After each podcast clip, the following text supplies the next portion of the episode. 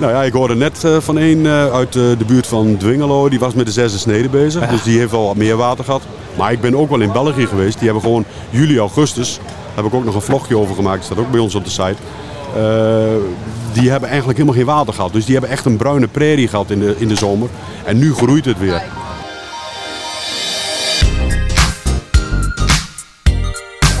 Dezelfde vertrouwde stem als altijd, maar dan op een iets andere locatie. Het is eh, ja, semi-live, kan ik wel zeggen, vanaf de RMV, de Rundvee Mechanisatie Vakdaag in Hardenberg. Ik wou zeggen Houten, maar zit in Hardenberg. Theo, goeie Hardenberg, ja. avond. Ja, goedenavond. Voor de eerste avondpodcast ook, hè? Ja, heel apart. Het is een keer wat anders. Ja. En eh, ja, locatie fantastisch. Dus helemaal super. Eh, als je allemaal mensen naar ons kijken, zo van wat doen die, doen die lui daar? Maar het, eh, gewoon podcast. Dat is toch een beetje gek, hè?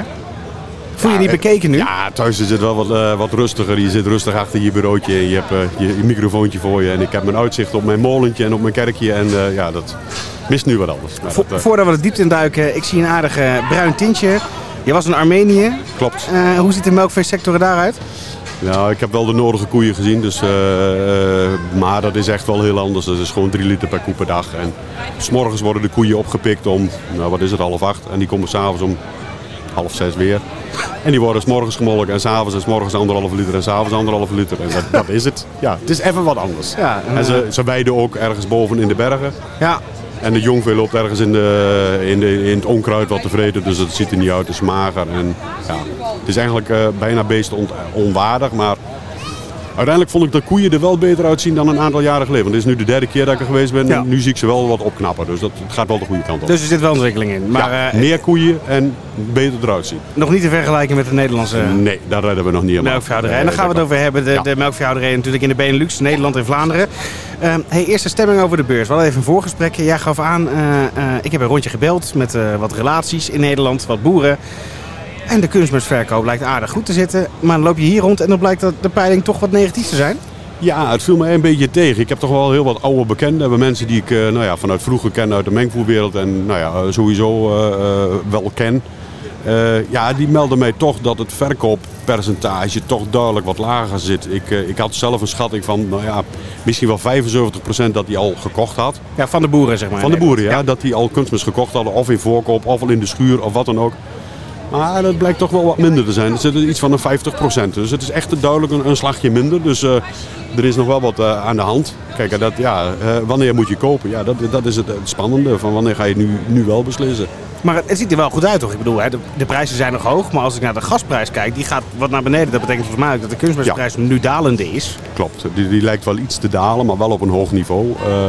Kijk, hij, wordt in eenheden energie wordt gerekend en die was 340 en die is nu 100.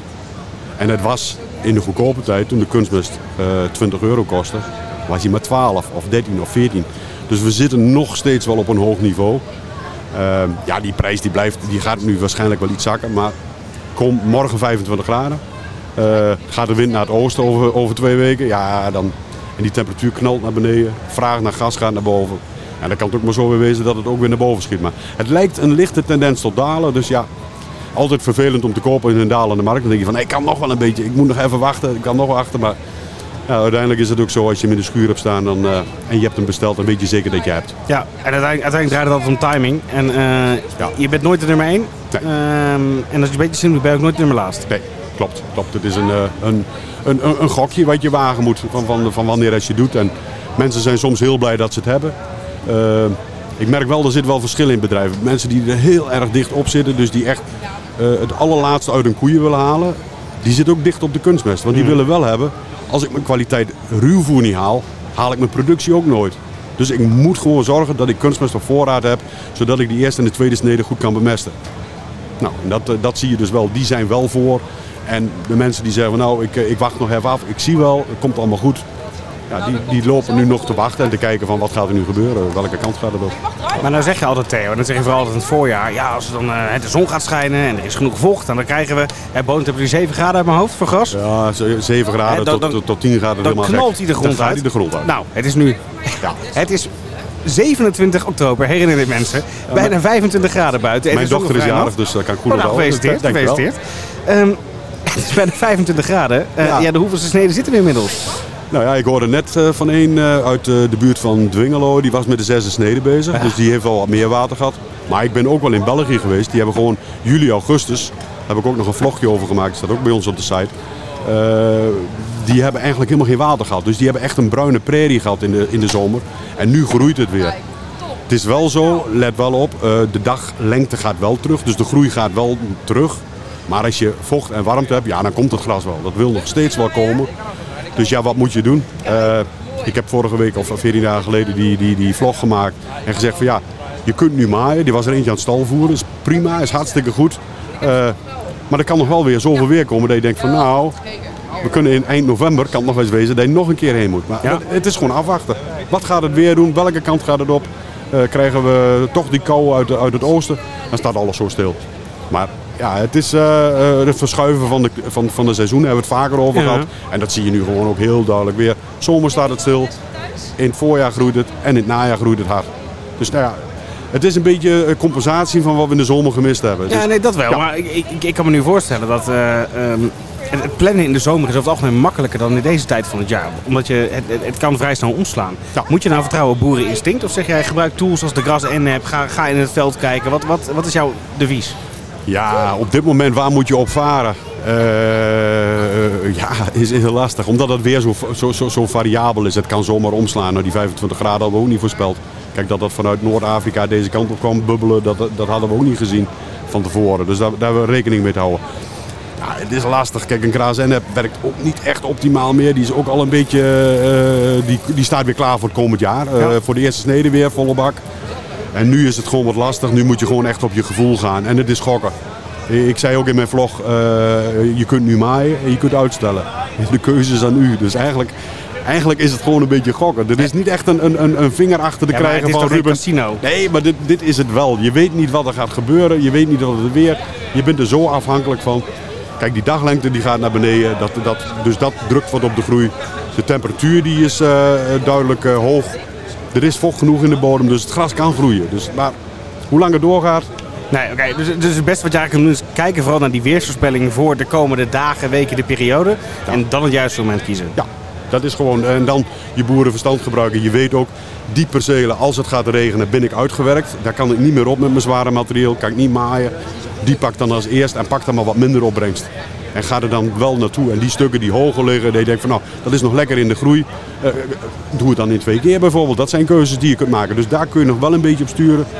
Maar op een gegeven moment dan denk ik ook van uitspoel achter de, eh, achter de trekker hangen. Rijden, alles eraf. En, en, en moet je daar nu rekening houden met volgend jaar? Kan je het nu ook zeg maar, zo al verpesten voor het voorjaar?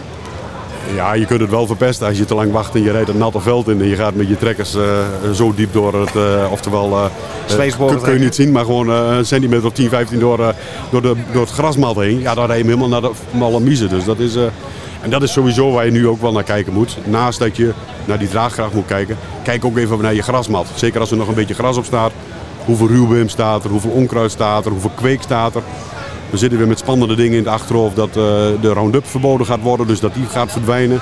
Ja, zit er flink kweek in? Ja, eh, heb je nog een kans? Eh, kijk even wat je ermee doet. Het kan wezen dat het straks heel lastig wordt. En mechanisch kweek bestrijden, het kan wel, moet je hem uitpieren. Maar moet je heel lang tijd hebben, droge grond, en maar kapot maken, en maar kapot maken, kapot maken. Ik zie het al, jij bent geen fan. Ik ben daar geen fan van. Dat, is, dat duurt te lang en dat, dat kan niet. Want je moet weer produceren met die grond. Die grond moet weer nieuw gras op of iets anders. Dat moet weer aan de groei. Dus dat, eh, ja. dus dat ook sowieso nog even doen. Naast dat je kijkt van wat is het moment van maaien. Maar hoe is de kwaliteit van je grasmat. Kijk naar je ontwatering. Kijk naar je, maak je, je drainage nog eens even schoon. Eh, alles dat alles lekker door kan lopen. Dat je in het voorjaar weer op tijd aan de slag kunt. Dus dat het weer kan opdrogen weer in het voorjaar als het weer nat wordt. En dat de drains goed lopen. Dat zijn goede tips. Nou wil ik nog even met jou terug naar afgelopen dinsdag. Eh, toen hadden we hier eh, een, hebben we hebben hier dagelijks een talkshow vanuit eh Prozi Media Producties hier op de RNV. Dinsdag hadden we hier de marketingmanager van Yara Benelux, of misschien wel Yara Europe, ik weet het niet eens. In ieder geval. Peter Arkema Ja, van. Peter, ja. En het, het onderwerp toen was of we de ehm, emissies zo konden beperken dat er geen koe weg hoeft. Hè, met de hele discussie die er nu is. En dan ging het over de, de emissie ook van, ehm, die vrijkomt bij het strooien van kunstmest. En daar kwam dus ter sprake. Eerst al hè, natuurlijk de keuze voor kwalitatief goed kunstmest. Geen stofwolken erachter. Ja. Dat snappen we allemaal. Maar wat ik dus ook hoorde, is dat die strooier gewoon heel vaak nog verkeerd wordt ingesteld. Ik zou zeggen, dat, dat hoort bij de basis ervan. Maar hey, ik ben geen melkveehouder, dus ik kan ernaast zitten. Maar wat, wat is jouw visie erop? Wat kom jij tegen? Van links naar rechts. Je hebt boeren bij, die zijn er heel druk mee bezig. Die informeren gewoon bij hun leverancier. Waar komt die kunstmest vandaan? Uh, van, van welke leverancier is uit welke productielocatie komt die vandaan? En die stellen hun op de strooitabellen stellen die in. Die zijn er heel druk mee bezig. Die vervangen op tijd hun schoepen die versleten zijn. Die stellen hem af. Die weten precies, doen een afdraaiproef. Hebben alles goed voor elkaar. Die weten precies hoe dat moet. Maar je hebt ook hele andere en die hebben zoiets van ja, het, uh, het stond vorig jaar goed, het zal dit jaar ook wel goed staan. En ik ga rijden. En dat, dat gebeurt gewoon. En dat, dat, uh, ja, dat kost je wel heel veel kunstmest. Of het, je gooit te weinig of te, of te veel. En die rijden een heel stuk af en dan denken ze, ah, ik had eigenlijk wat meer kwijt geweest moeten zijn. Zal ik er een slag aan geven en dan komt er wat meer uit.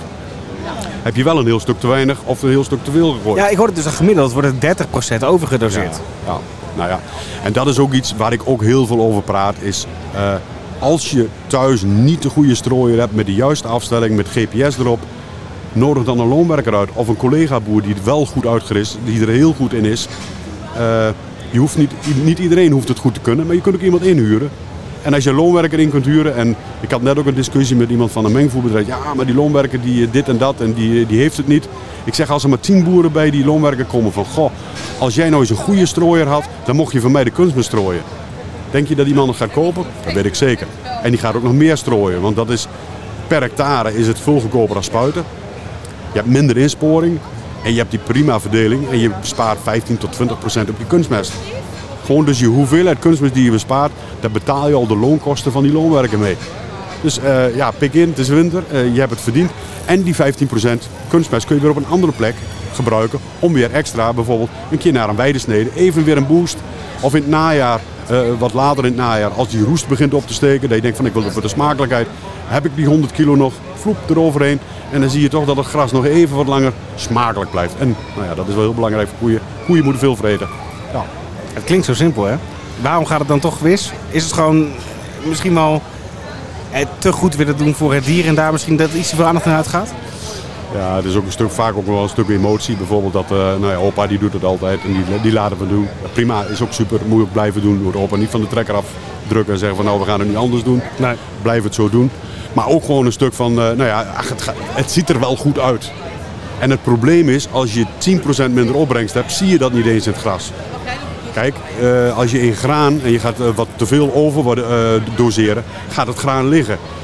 Maar als je nou gedoseerd hebt en je bent vier weken verder, wordt het weer gemaaid. En dan heb je de volgende snede weer. Dus wat je daar fout hebt gedaan, dat corrigeer je door alles weer vlak te maaien. Dus ja, dat, daarom is het wel wat lastiger in gras. En daarom is het ook... Ja, en, en mensen zijn meer op de koeien gericht dan op een gras. En op, op alles wat op het werk, wat op het land zit. Heel veel tenminste. Dus je hebt ook je hebt koeienboeren met, uh, uh, met, met gras als op, daar verder op de achtergrond. Maar je hebt ook echte akkerbouwers die koeien erbij hebben. En daar ligt gewoon een heel groot nuanceverschil in. Dus van het ene uiterste naar het andere uiterste, daar heb je van allerlei type boeren. Heb je. En, Zou het niet goed zijn dat we net als in die voetbalstadions gewoon ook per, per postcode gebied van die grasmeesters aanwijzen? Ja, dat zou kunnen bijvoorbeeld. Voor advies? Ja, dat zou kunnen. Ja. Het is een de, de next level grasmat, ik noem maar ja, even wat. Ja, ja zoiets. Ja. Dat is, uh, ja. kunnen erover nadenken. We schudden het zo uit de mouw hier. We hebben overal een oplossing voor. Heb je nog wat moois gezien? Een innovatie die je hier tegenkwam op de RNV waar je zegt, nou dit, dit is gaaf. Nou, wat ik vooral gaaf vond, en dat had ik vorig jaar helemaal, is allemaal oude bekenden weer tegenkomen. Gewoon lekker bijpraten en mensen die je vanuit, uh, vanuit vroeger kent en gewoon lekker uh, gezellig. En dat vind ik het mooie van deze beurs. Tuurlijk, er worden best wel zaken gedaan, maar het is ook een gezelligheidsbeurs. En je spreekt iedereen nog eens even een keer weer. En dat, dat vind ik het mooie van deze beurs. Dat ik echt innovaties gezien heb. Ja, ik hoef ook niks te kopen. Kijk, ik, ik sprak mensen die willen, willen zonnepanelen kopen. Ja, die vonden het leuk, want die hadden die en die en die gesproken. En of iemand wil een robot, melkrobot. Ik was net bij uh, de rode robot aan het kijken. Ja, die, die, die, die zei ook van ja, we hebben leuk uh, wat nieuwe adressen opgedaan. Hartstikke goed. Ik zei nou ja, mooi dat het zo is. Maar ik heb daar niet zoveel mee, omdat ik hier niks hoef te kopen. Ik hoef hier alleen maar wat uh, te praten, informatie uh, bij elkaar te sprokkelen en uh, met Ruben te praten. Nou, dat is, informatie delen en, en, delen. en, gezelligheid halen. Zometeen Precies. ook hier achter de bar in de Prozi Café, Theo Koets. Hey, dankjewel. tot zover deze editie van de podcast live, dus vanaf de RNV Hardenberg. voor meer informatie over Yara, hun producten en eigenlijk alle mogelijkheden, want ze bieden ontzettend veel informatie. Gewoon vrij beschikbaar. Allemaal via de website jara.be en www.jara.nl.